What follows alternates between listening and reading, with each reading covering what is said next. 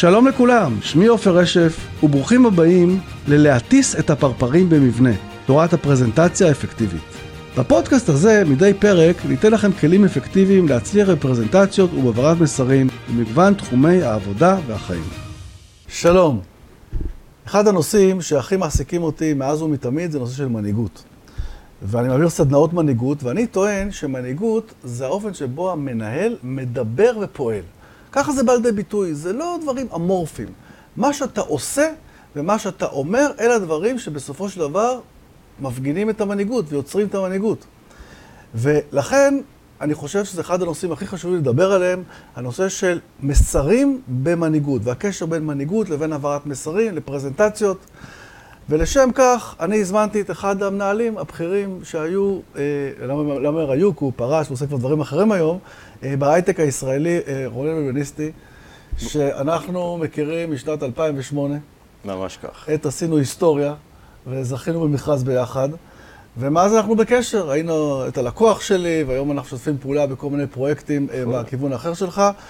ורונן, תקשיב, רק להגיד את כל מה שהוא עשה בחיים, זה, זה אפיזוד שלם, אבל, אבל הוא, אני רוצה לספר לכם, הוא גם מוסמך במערכות מידע, הוא אה, 25 שנה בכיר בתחום ההייטק, ניהל חטיבות ואגפים וחברות פרויקטליות, עכשיו לא בחברות קטנות, אנחנו מדברים על IBM, אנחנו מדברים על וואן, אנחנו מדברים על אה, אה, קבוצת אה, מל"מטים, והוא מתמחה, לי זה נשמע סינית עד היום, BI, CRM, ERP ודיגיטל. עכשיו, לפני שנתיים הוא... אה, אה, הפסיק להיות מנהל ומנכ"ל בכיר בתחום ההייטק, הוא הפך להיות יועץ לאנשים, הוא גם מקדם אנשים מתחום הביניים לתפקידים בכירים יותר, הוא גם מלווה מכרזים ומסיים להגיש את ההצעות הטובות ביותר למכרזים, ומייעץ להנהלות בתחומים של בניית אסטרטגיה, מחשוב ותהליכים פרויקטליים. מרצה באוניברסיטת אריאל בתחום מערכות מידע, האיש יודע לדבר, יש לו קול רדיופוני מטורף, תכף תשמעו, ואני שמח שאתה כאן. שמח מאוד, עופר, תודה על ההזדמנות. ואני באמת הזמנתי אותך, כי אני מאוד מעריך אותך, ואני חושב שראיתי אותך גם בפעולה כמנהל וכמנכ"ל ובתפקידים בכירים. ואני חושב שאנחנו חולקים דעות דומות לאיך מנהיגות צריכה להיראות. דיברנו על זה הרבה מאוד פעמים, ולכן אני באמת רוצה לשאול אותך, אנחנו עוסקים בתחום של מסרים. Mm-hmm. ולכן האופן שבו אנחנו מעבירים את המסרים לדרגים מתחתנו.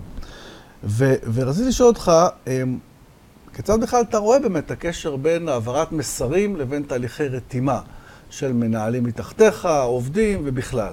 שלום עופר, תודה על ההזדמנות כאן, באמת ברגע שפנית ושאלת, שמחתי מאוד אה, להגיע לנושא שאני חושב שהוא מאוד רלוונטי והוא מאוד מעניין והוא מאוד מרתק, אה, מנהלים וארגונים בכל מה שקשור בהידברות ובתקשור שלהם לעובדים ולמנהלים.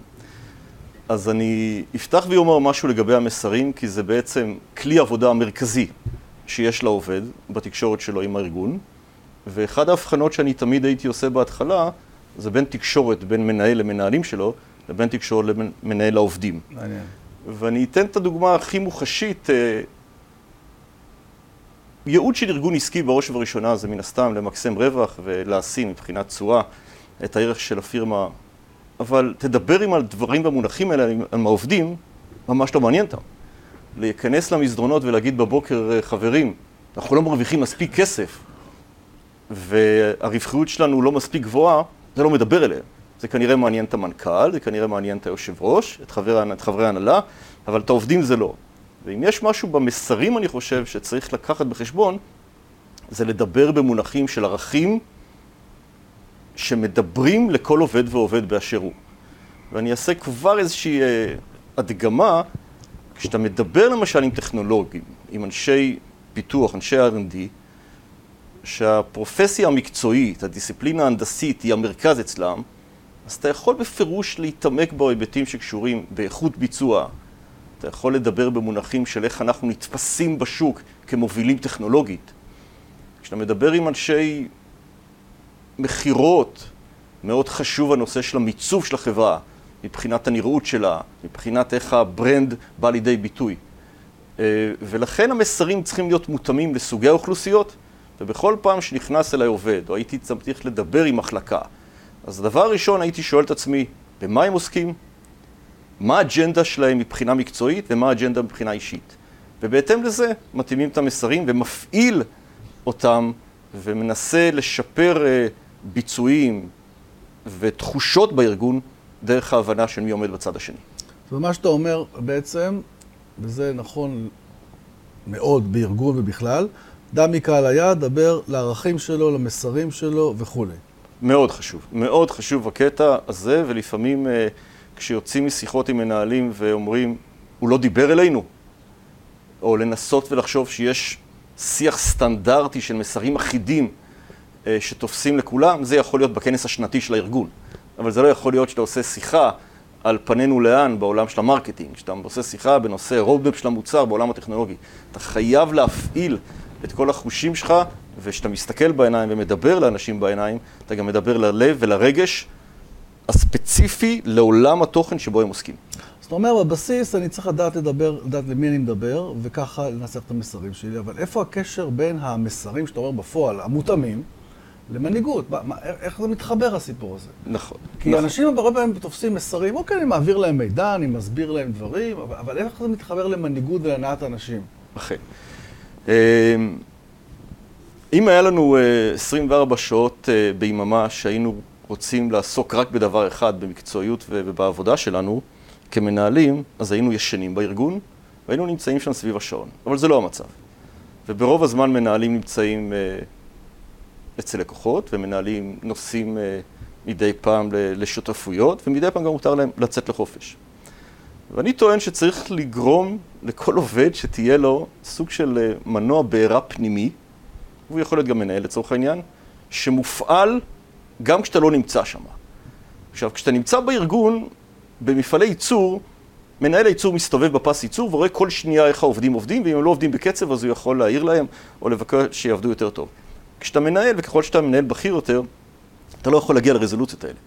לכן הטענה שלי היא שככל שאתה מצליח לייצר מוטיבציות אינטריזיות, מוטיבציות פנימיות לעובדים, שמבוססים על היבטים שקשורים של החזון של הארגון, חיבור של העובד לערכים של הארגון, אלה יופעלו גם כשאתה נמצא לצורך העניין בכנס בצרפת. כי שמה הוא לא שואל אם רונן היום במשרד ולכן אני צריך לעבוד טוב.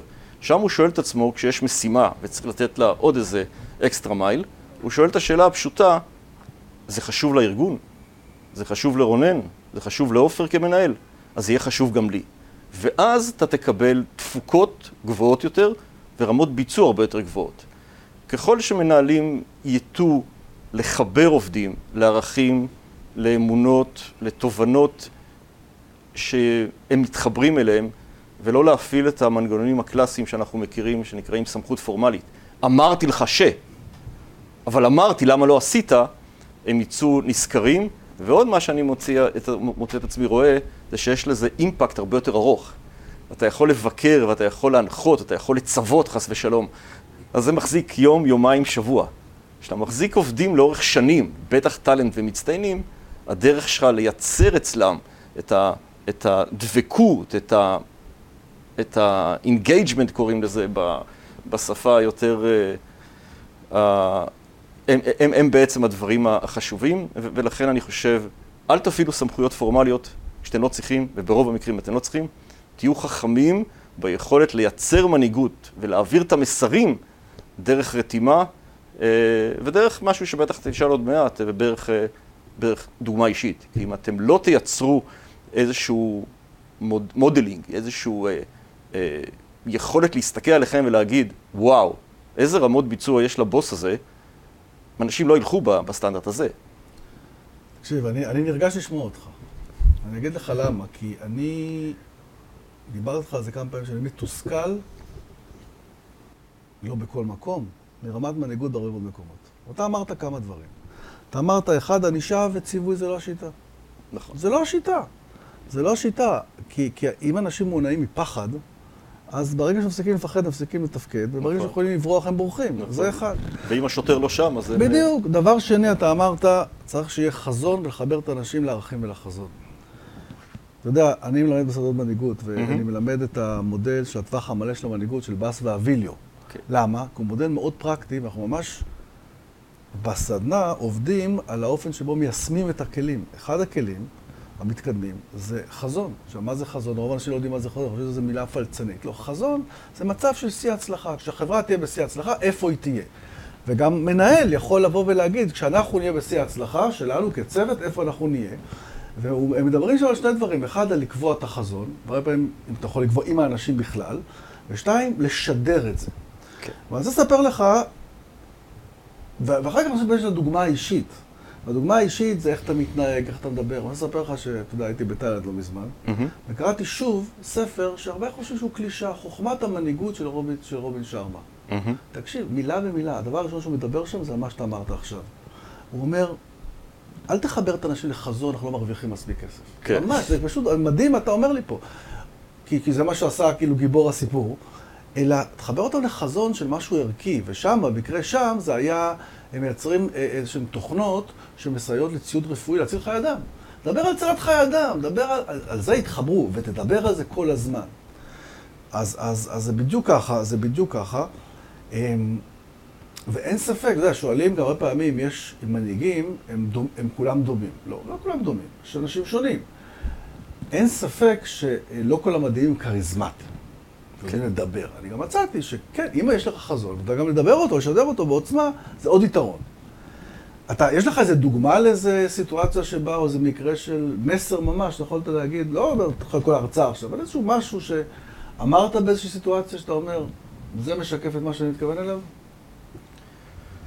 אם יש משהו שאני הייתי מאוד מקפיד ולאורך הדרך אה, כמנהל אה, בשתיים וחצי עשורים האלה אתה נדרש לפעמים לסיטואציות לא פשוטות של, אה, בעיקר במיזוגים ורכישות, של התייעלויות, של קיצוצי עובדים, שכאלה דברים. אה, ובאופן טבעי אה, יש נטייה בשוק לאנשים מאוד ותיקים, ובעיקר הם היו איכותיים לאורך הדרך, מה שנקרא, קראנו לזה להקדים בעדינות את מועד הפרישה. כי זה פחות קשה לבוא לאיש שעבד 30 שנה ועוד שלוש שנים לפנסיה, לעומת לבוא לבחור צעיר שגייסת אותו לפני חמש שנים ואתה רואה איזה רוד מפתיק. ואם יש משהו שאני הרגשתי, שאנחנו צריכים לשדר לארגון, שאנחנו מאוד מעריכים את מי שהיה פה 20 ו-30 שנה. ולבוא לאנשים בגילאי 62-63 ולהגיד להם, בגלל שהתמזגנו לחברה אחרת ועכשיו יש כפל תפקידים, עשינו טקסים שלמים של הערכה ותודה והוקרה, כולל סרטונים של מפעל חיים, כדי להעביר מסר לעובדים ואומר, אנחנו אמנם משחררים, אבל תראו כמה שאנחנו מודים, כמה שאנחנו מאמינים בהישארות לאורך זמן בארגון הזה, ובואו תראו כמה דוגמאות, והזמנו את כל הפורשים של שנתיים שלוש קודם, של חבר'ה שפרשו ועזבו ביחד. אז אנחנו נדרשנו להצטמצם, אבל הארגון אוהב לעבוד עם אנשים איכותיים לאורך זמן, הוא מקדם אותם, והוא גם יודע להגיד להם תודה. מתברר שהאימפקט הזה הוא לא רק לפורשים ואלה שעזבו. הוא לכולם. הוא לאלה שנמצאים, עשה מסר אדיר שאומר, אני רוצה להיות בחברה שמעריכה אנשים לאורך זמן ולא מביאה אותם לשנתיים-שלוש. וזה מתוך סיטואציה לא פשוטה, שבה אתה נדרש לשחרר עובדים. אז סוג כאלה של מהלכים וכשאתה אומר ואתה מעלה אותם לבמה, אני זוכר שאפילו הבנו בני זוג, עשו אימפקט. שני החבר'ה לבאס וויליו דיברו איתך כשהם... אה, לא, כי לא, מה שאתה כן. אומר זה בדיוק, אתה יודע, הם מדברים על, על הוקרה והבעת הערכה. אחד הדברים ש... אני חושב שמנהיג צריך לדעת לעשות, וזה... איך הם אומרים שם? הם אומרים, ואני מסביר שם, תגיד, תגיד, תגיד שאתה מעריך. הוא לא יכול לנחש לבד. כן, תגיד, תגיד שאתה מעריך, תגיד שאתה מודה. תגיד ותהיה ספציפי. כן? כי אנשים לפעמים אומרים לך, תקשיב, רונן, אתה עושה עבודה מצוינת, מה אתה אמור לעשות עם זה? זה, זה נחמד, אבל אתה יודע מה לעשות עם זה. אגב, אני לא יודע אם אתה יודע, שעשו בדיקה, אגב, אני משווה מאוד מנהיגות ומסרים לעובדים ומנהלים לבין הורה, מסרים לילדים. זה מאוד כזה. דומה. נכון. זה מאוד דומה. ו- ואחד הדברים המדהימים שמצאו, אפרופו העברת מסרים, זה שאם אתה אה, יכול רק נגיד, תיאורטית, רק להגיד למנהלים, לעובדים, לילדים, רק לחזק במילים את הדברים הטובים שהם עושים. להסביר להם מה הם עשו טוב, איך זה טוב, איך זה עוזר, לעומת לנסות לשנות התנהגויות, רק זה, זה יותר חזק, הוא משפר. ויחד עם זאת, אה, באמת צריך לדעת איך, איך למשב, ואיך להגיד למישהו מה אתה רוצה שהוא יעשה אחרת. ואני מצאתי שאנשים לא עושים את מה שאנחנו רוצים שהם יעשו בגלל שלושה דברים. אחד, וזה קשור למסרים, הם לא מבינים מה אתה רוצה מהם. הם לא הבינו. שתיים, הם לא יודעים איך לעשות את זה, אז תלמד אותם. ושלוש, הם לא רוצים, תרתום אותם. אוקיי? אז, אז זה בדיוק הדברים האלה. אמ, תגיד לי, אתה, אתה אה, כמנהל בכיר העברת מסרים גם לעובדים, מנהלים וגם ללקוחות, אבל אתה יודע, נכון. עדיין אה, מכרת והצגת את החברה, ואיפה אתה רואה את ההבדל, איך, איך אתה רואה את ההבדלים בין שני הדברים האלה? אמ, אני לא יכול לומר לך שהדברים הם אה, חד משמעיים, אבל יש ללא ספק כמה דברים שהם דומים, אבל יש כמה דברים שהם מאוד שונים. אמ,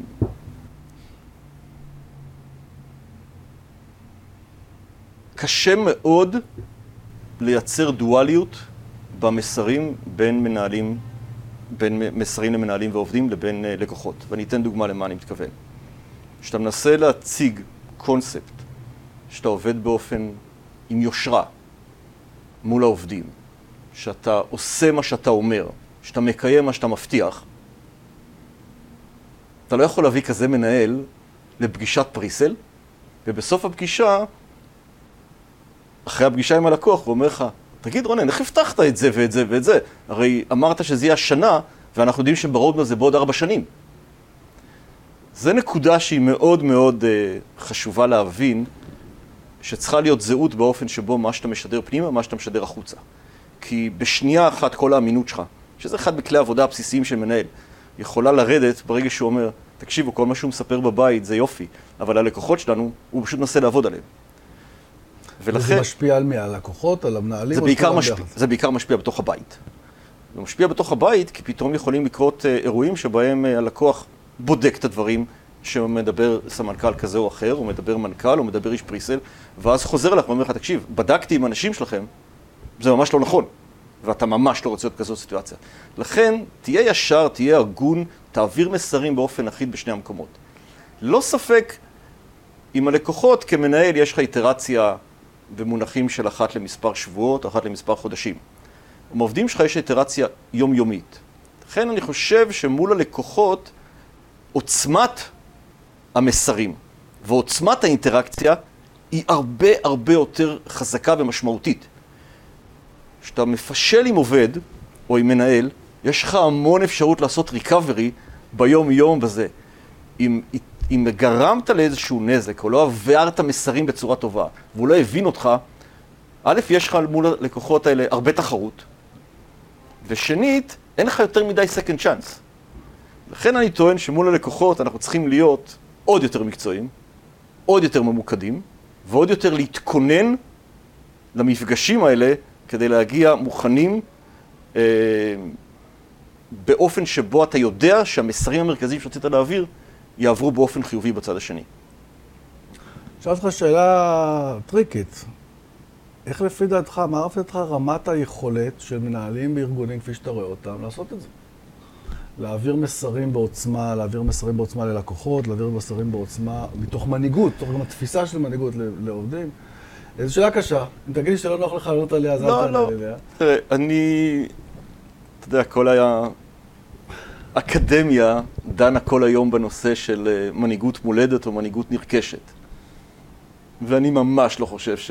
שנולדתי מנהיג, נהפוך הוא. אני חושב שהייתי יחסית ילד מאוד רגיש, עם בלי יותר מדי ביטחון עצמי.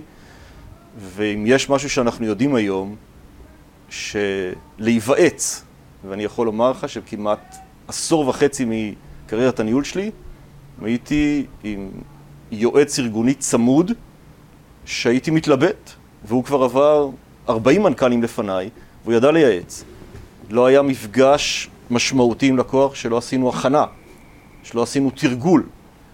מהרגע שאתה מכין את עצמך לסיטואציות האלה, אני חושב שאולי אחד מתוך עשרה מנהלים הם אלו שנכנסים לחדר, רואים כריזמה מטורפת, שופעת מהם, הם רק מתחילים לדבר, כולם שקטים ועושים עם הראש כן.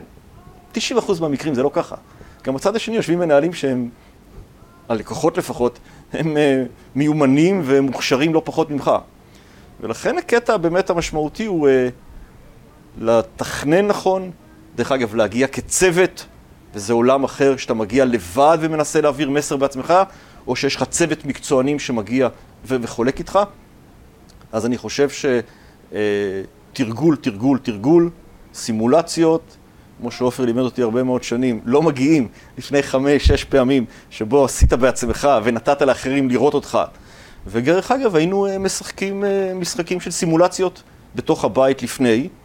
מישהו היה משחק את הדבל אדבוקט ומשחקים תרגילים אחרים, והכל כדי להגיע למצב שלא תובך, כי יש לך חצי שעה, 40 דקות, שעה מול לקוח. יש לך רבע שעה, 20 דקות לסכם אה, אירוע משמעותי בחברה.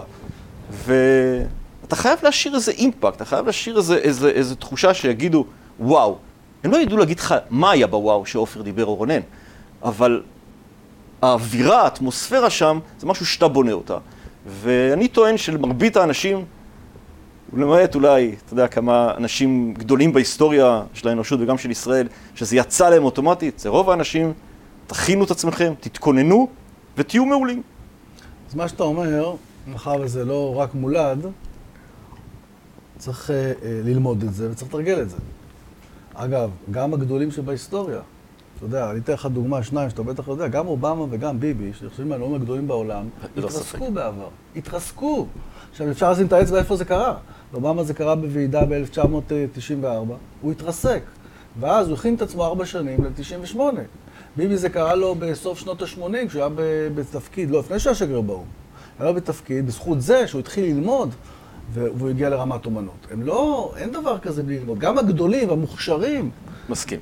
ומה שאתה אומר, אתה אומר בעצם, אחד, תלמד, שתיים, אתה אומר, תתכונן נכון. גם לזמן שיש. אכן. ואי אפשר להתכונן לזמן שיש אם אתה לא מתרגל בקול רם ומודד זמנים, וגם אז תיקח מקדמים, ותתרגל ותתרגל ותקבל משוב ותסתכל ותתרגל ותשתפר.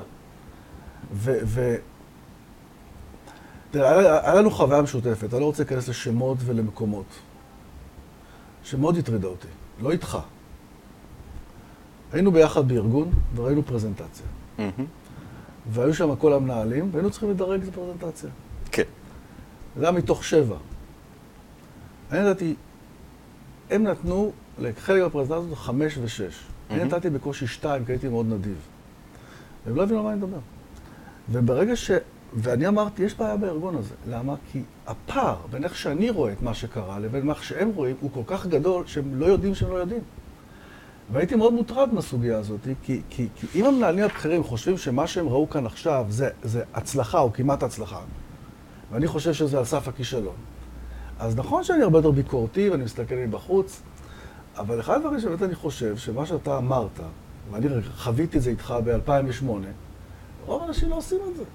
לא עושים את זה. כי מה קרה ב-2008? אתה באת ואמרת, אני רוצה ללמוד.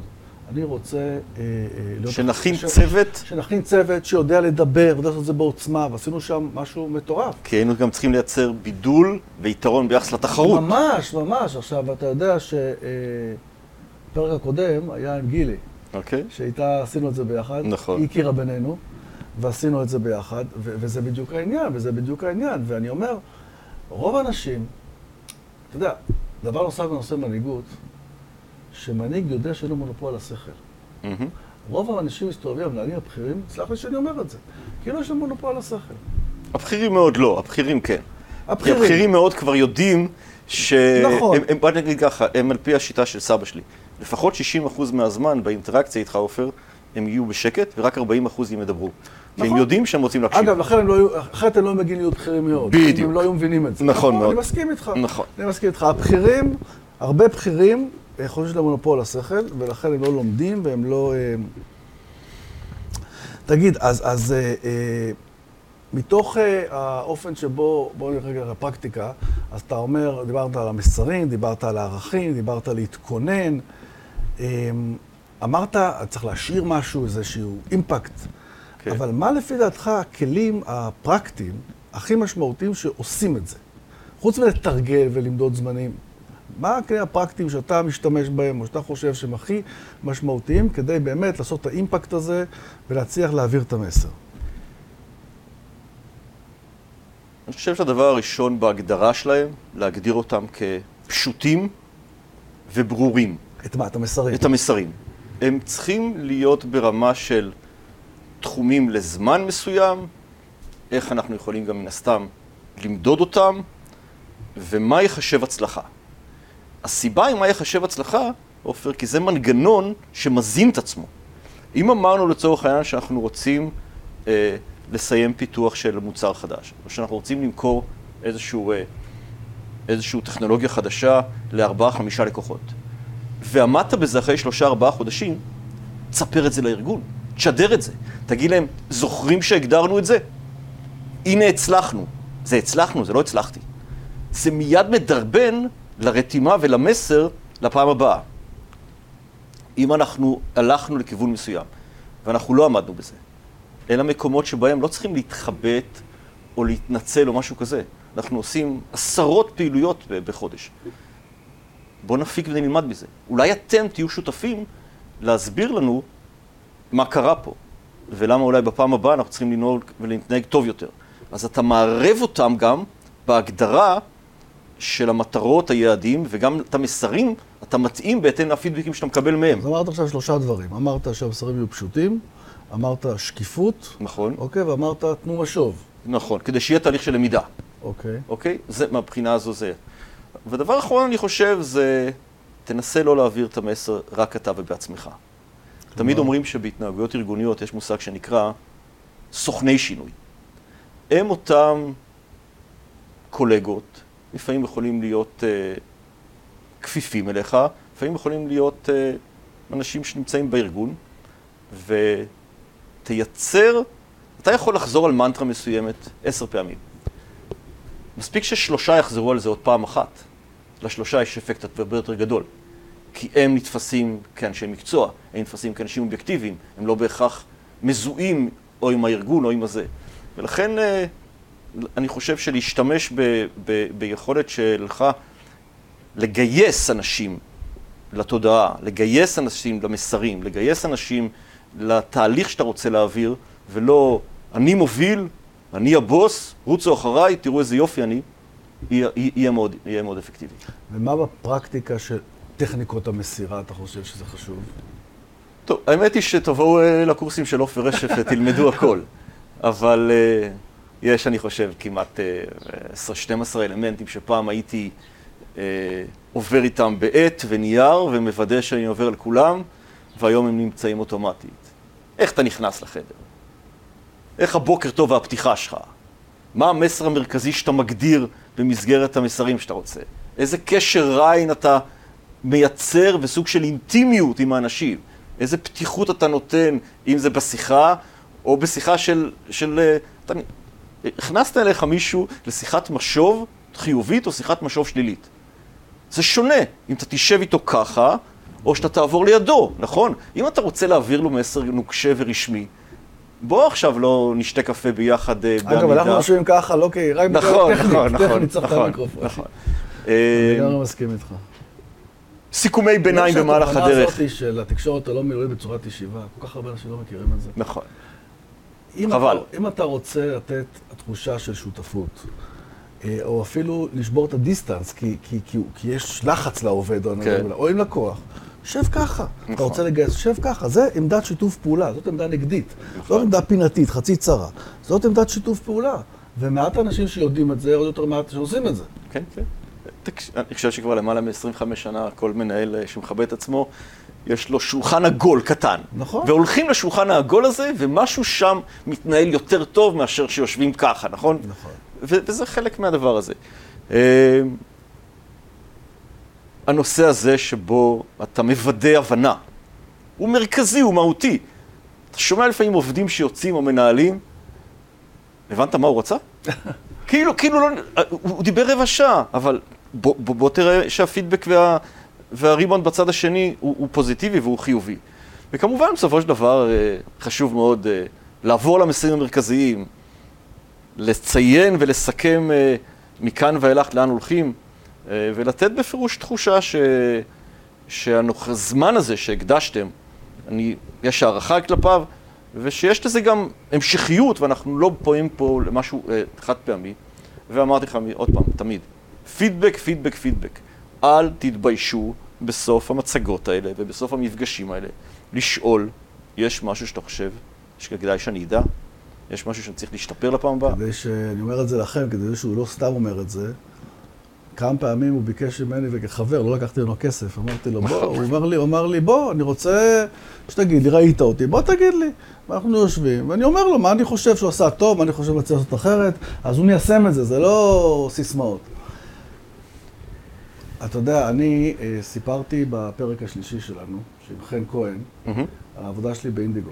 קרה לי כמה פעמים בקריירה, שבא ארגון ואומר, אני רוצה לשנות את כל התרבות של המנהיגות, של הניהול, של האפקטיביות בארגון, והטכניקה המרכזית זה פרזנטציה והעברת מסרים. זה קרה לי ביוניליבר, זה קרה לי בפרטנר, זה קרה, ב, אני אומר ממש, משהו ענק. זה, הכי גדול זה היה באינדיגו, שם אנחנו מדברים על 120 סדנאות של אה, שלושה חצי ימים עד חמישה חצי ימים במשך חמש שנים, זאת אומרת, וואו. זה היה מטורף, אני גרתי שם. אבל מה הדבר המדהים שם שהם עשו? וזה עשו רק שם. באמת, בחיים שלי לא ראיתי דבר כזה, וכן סיפרה על זה בפרק איתה, בפרק השלישי של הפודקאסט הזה, שאני מזמין אתכם לשמוע אותו, כי באמת, היא באה והיא קודם כל הסבירה איך הסיפור הזה שינה את התרבות הארגונית, ואת כל ההתייעלות הארגונית, וכמה כסף זה חסך, וכמה תהליכי קבלת החלטות השתנו. אבל הדבר המדהים שהם עשו שם, הם לקחו את המנהלים הבכירים יותר. כן, אמרו מה שאמרת, דוגמה אישית וחניכה.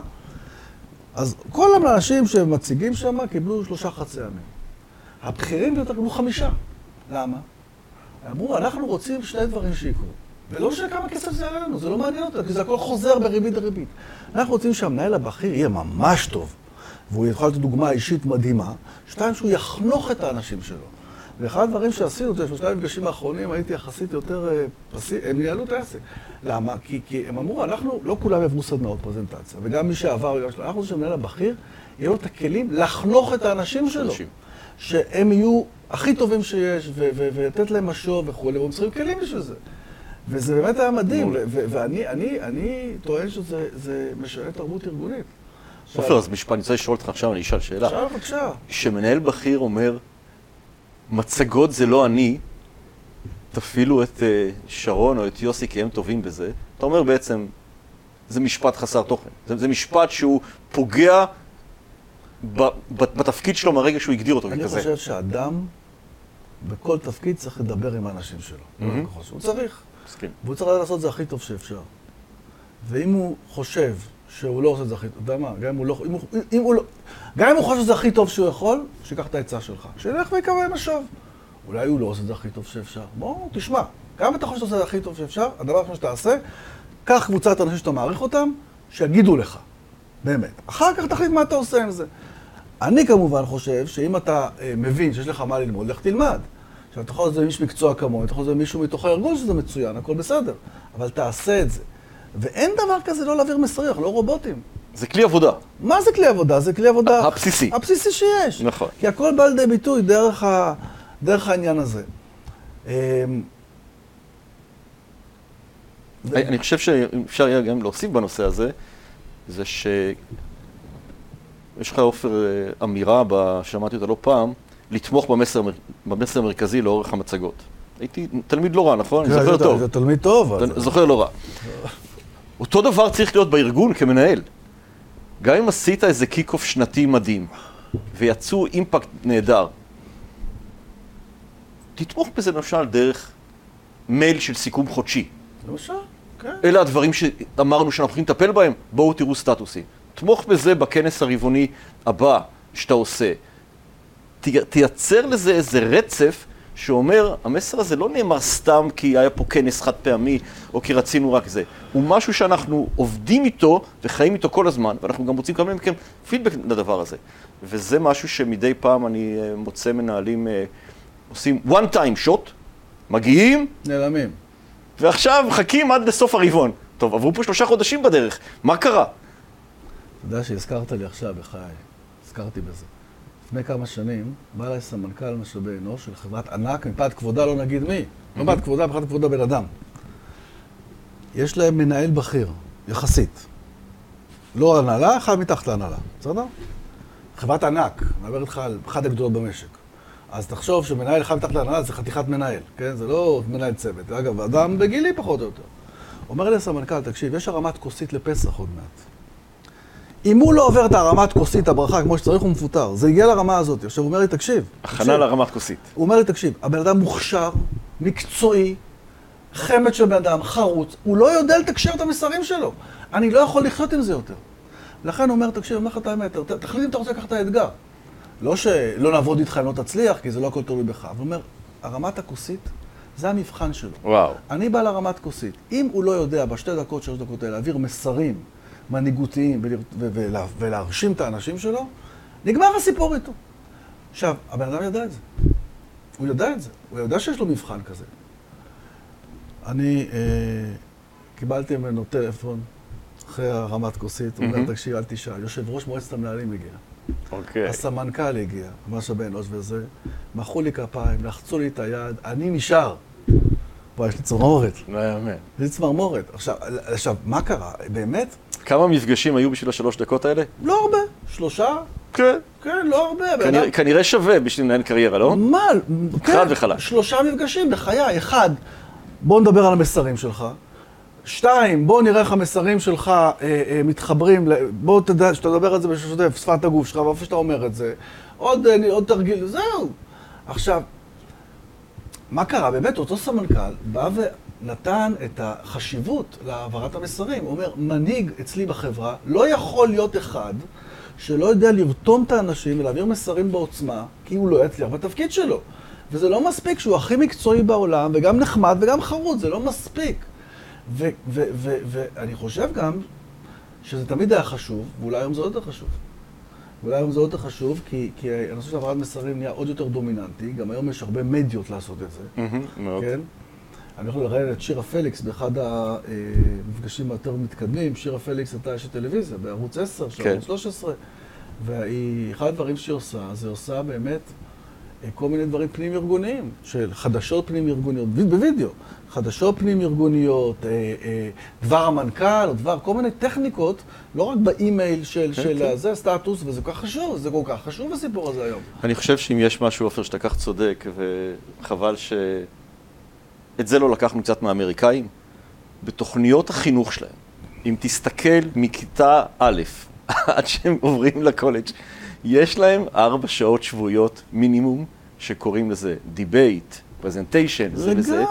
ואתה רואה, עכשיו אני מרצה, אתה ציינת בעצמך, באריאל, ואנחנו אה, עושים, אה, נותנים אופציות לתלמידים לעשות עבודות גמר ולהציג זה. ו, ואתה רואה שמי שעבר בצבא, או בתפקיד קצונה, או באיזשהו תפקיד הדרכה, אתה רואה יכולות, ואתה רואה אנשים שהגיעו לגיל 25 ומעולם לא יצא להם לקבל כלים בסיסיים. עכשיו, זה כלי עבודה, אז, וזה כלי לחיים. אז, אז, אז בוא ניתן לזה את המשקל הראוי לזה, ונשקיע טוב. בזה. אני אספר לך שני מקרים שקרה לי עם הבת שלי הבכורה. אני אנסה להיות זהיר, אתה יודע, כי זה דברים... כשהייתה בכיתה ח', היום היא בת 28 עוד מעט, כן? כשהייתה בכיתה ח', יום אחד היא באה הביתה מאושרת, אבא, יש לנו במסגרת אה, הלימודים הפחות פורמליים, אה, חוג debate, כאילו, מי שרוצה, אני הולכת. מה זה הייתי? היא הייתה מבסוטה, הייתי מבסוט, נהדר. אמרתי, זה לא חלק מהלימודים כמו בארצות הברית, אבל משהו. אחרי שלושה שיעורים, היא אומרת לי, אבא, עזבתי את החוג debate. אמרתי, למה עזבתי? היא אומרת, כי הוא לא יודע להסביר. עכשיו, בוא תקשיב, זה סיפור אחד. סיפור שניקח הרבה שנים קדימה.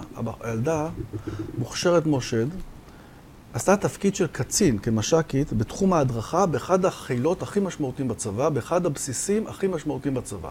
הם מכשירים סגלים שם. בסדר? פעם בחודש הייתה מביאה את כל הסגל לסלון של הבית שלי. למה? כי הבינה שמה ששם מלמדים את המדריכים איך להדריך, לא מתקרב למה שצריך לדעת. אתה בא לעשות השלמות. עכשיו, אני מדבר איתך על מקום הכי מאורגן בצבא, בתחום ההדרכה, הכי יוקרתי בצבא בתחום ההדרכה. אני רואה מה היא עוברת בקורס. מה שאני מלמד ביום, הם למדו בשעה וחצי. עכשיו, זה אנשים שמכשירים קצינים בצבא, לא בד אחד, כן? כן. קצינים בצבא לתפקידים מטורפים, לדברים מטורפים. ו... ו, ו... חבל שזה כך, חבל שזה כך. אבל אני חושב שהמודעות עולה לדבר הזה. המודעות עולה, יותר- המודעות יותר עולה, ויותר. אבל אני אגיד לך מה לא עולה. רק אתמול, רק אתמול, יצרה איתי קשר מנהלת משאבי אנוש. אתמול, שאני מכיר אותי, ראתה אותי פעם אחת לפני הרבה שנים, וכן, ושמעה עליי וזה, ופנתה אליי. היא אומרת לי, תשמע, אני רוצה, היה לנו עכשיו מפגש עם מנהלים, והגענו למסקנה של מספיק עם הבינוניות, אנחנו חברה צומחת, צריך לדעת, מנהלים צריכים לדעת להעביר מסרים, ואנשי שיווק צריכים לדעת להעביר מסרים, וכל צריכים לדעת להעביר מסרים, ולעמוד ולדבר, פנימה, החוצה. הבנו שאנחנו לא שם. אמרתי לה, מה היית רוצה שידעו לעשות? את זה, ואת זה, ואת זה, ואת זה, ואת זה. כמה זמן נותנת לי? שלוש שעות. תגידי לי, מה, אתם רציניים? אמרתי לה, את רצינית? איך בשלוש שעות? אומרת לי, המנכ"לית לא תיתן יותר מזה. אמרתי לה, המנכ"לית רוצה שאני אממן אותם לרוץ עשרה קילומטר פחות משעה, ורוצה לתת לי זמן, תוכנית אימונים, שירוצו 500 מטר או מקילומטר. זה לא עובד ככה. כן, זה הרצאת העשרה, תגיד לה. כן. אתה, זה, זה דבר מטורף. אומרת, מצד אחד המודעות עלתה, אבל אנשים עדיין לא נפל להם האסימון. תראה, אתה לא יכול לקחת מישהו שלא רץ. זה, זה ממש להעלות מודעות, אתה יודע. אה, אם תסתכל על תקציבים אה, כשיש בארגונים, בעיקר אה, חברות שהן אוריינטציה מאוד חזקה לכיוון הלקוחות, לשים מאות אלפי שקלים, דולרים או מיליוני בתקציב שיווק, הוא נראה מאוד סביר ומאוד טריוויאלי, והוא אומר, זה הדרך שלנו לשמור על מיצוב וחשיפה. נכון. כל פעם שמנהלת הדרכה או מנהלת משאבי אנוש אומרת, אני צריכה 150 אלף שקל כדי לשדרג אוכלוסייה של 30-40 מנהלים לשנה הקרובה, מתחילים עכשיו לעשות לה כאבי בטן. ממש. משהו חייב להשתנות, כי האימפקט שיש לתרומה זה הזאת... מחזיר לנו פי מאה. אני מסכים. גם היא אומרת לי, תשמע, אין לנו הרבה כסף. אמרתי לה, אבל אני הכי זול בשוק. אמרתי, למה? איך אתה הכי זול? אמרתי, נורא פשוט. מישהו אחר יעלה 25, כאילו שווה ערך 25, תקבלי 50. איתי תשלמי 75, תקבלי 500. החליטי מה את רוצה, מה זה משנה? אני אגב למדתי מזמן, אני לא אכפת לשלם, אני מוכן לשלם מיליון שקל, יש איזו חברה שאני עובד איתם בשיווק, עושים לי עבודה. אמרו לי ככה, אמרתי, אני מוכן לשלם לכם מיליון שקל כל חודש. תנו לי חמישה מיליון, או מיליון וחצי בחזרה, הכל בסדר, מה זה משנה, כמה אתה משלם, אתה מקבל חזרה? כן. אותו דבר פה. עלות תועלת. נכון. תשמע, אתה יודע שאתה מופיע בספר שלי. אה, אני זוכר את אתה ה... זוכר כי אתה גם קראת את המהדורה הקודמת. נכון, ויש מהדורה חדשה שמעתי. מהדורה חדשה. אוקיי, מזל טוב. חדשה. זו מהדורה חדשה, יצאה לא מזמן, שיש כאן דברים שלא, אין בספר שאתה קראת. אני אוקיי. מזמין אותך לקרוא. קודם אני כל אקרא אותו. סיפורים חדשים.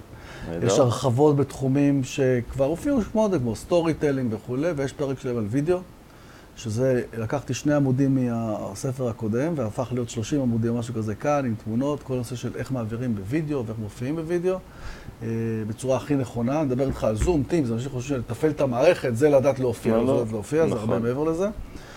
אה, אז אני מאוד שמח לתת לך אותו. תודה רבה. ואני גם יודע שאתה תקרא אותו, ותודה שבאת. ואני מאחל לנו עוד הרבה שנים של חברות והיכרות ועבודה משותפת, וגם רכיבה על אופניים. וגם רכבי אופניים, נוכל אחי. לרכב על אופניים ביחד. כיף גדול. תענוג. אז תודה רבה, תודה רבה לך רונן, תודה רבה לכם. ויש עוד הרבה מאוד פרקים מאוד משמעותיים לשדרוג החיים ולהצלחה, וגם להנאה מההאזנה להם. אז תודה ולהתראות. תודה רבה שהאזנתם. מוזמנים לשתף את הפודקאסט לכל מי שאתם חושבים שיכול להפיק ממנו תועלת. אשמח אם תדרגו אותי בחמישה כוכבים באפליקציה שבה אתם מאזינים, ואם אתם רוצים לקבל מידע נוסף על הסדנאות, ההרצאות והקורסים שלי, מוזמנים לחפש עופר רשת בגוגל ולהגיע לאתר שלי, ושם ניתן גם לראות את הפודקאסט אפילו בווידאו.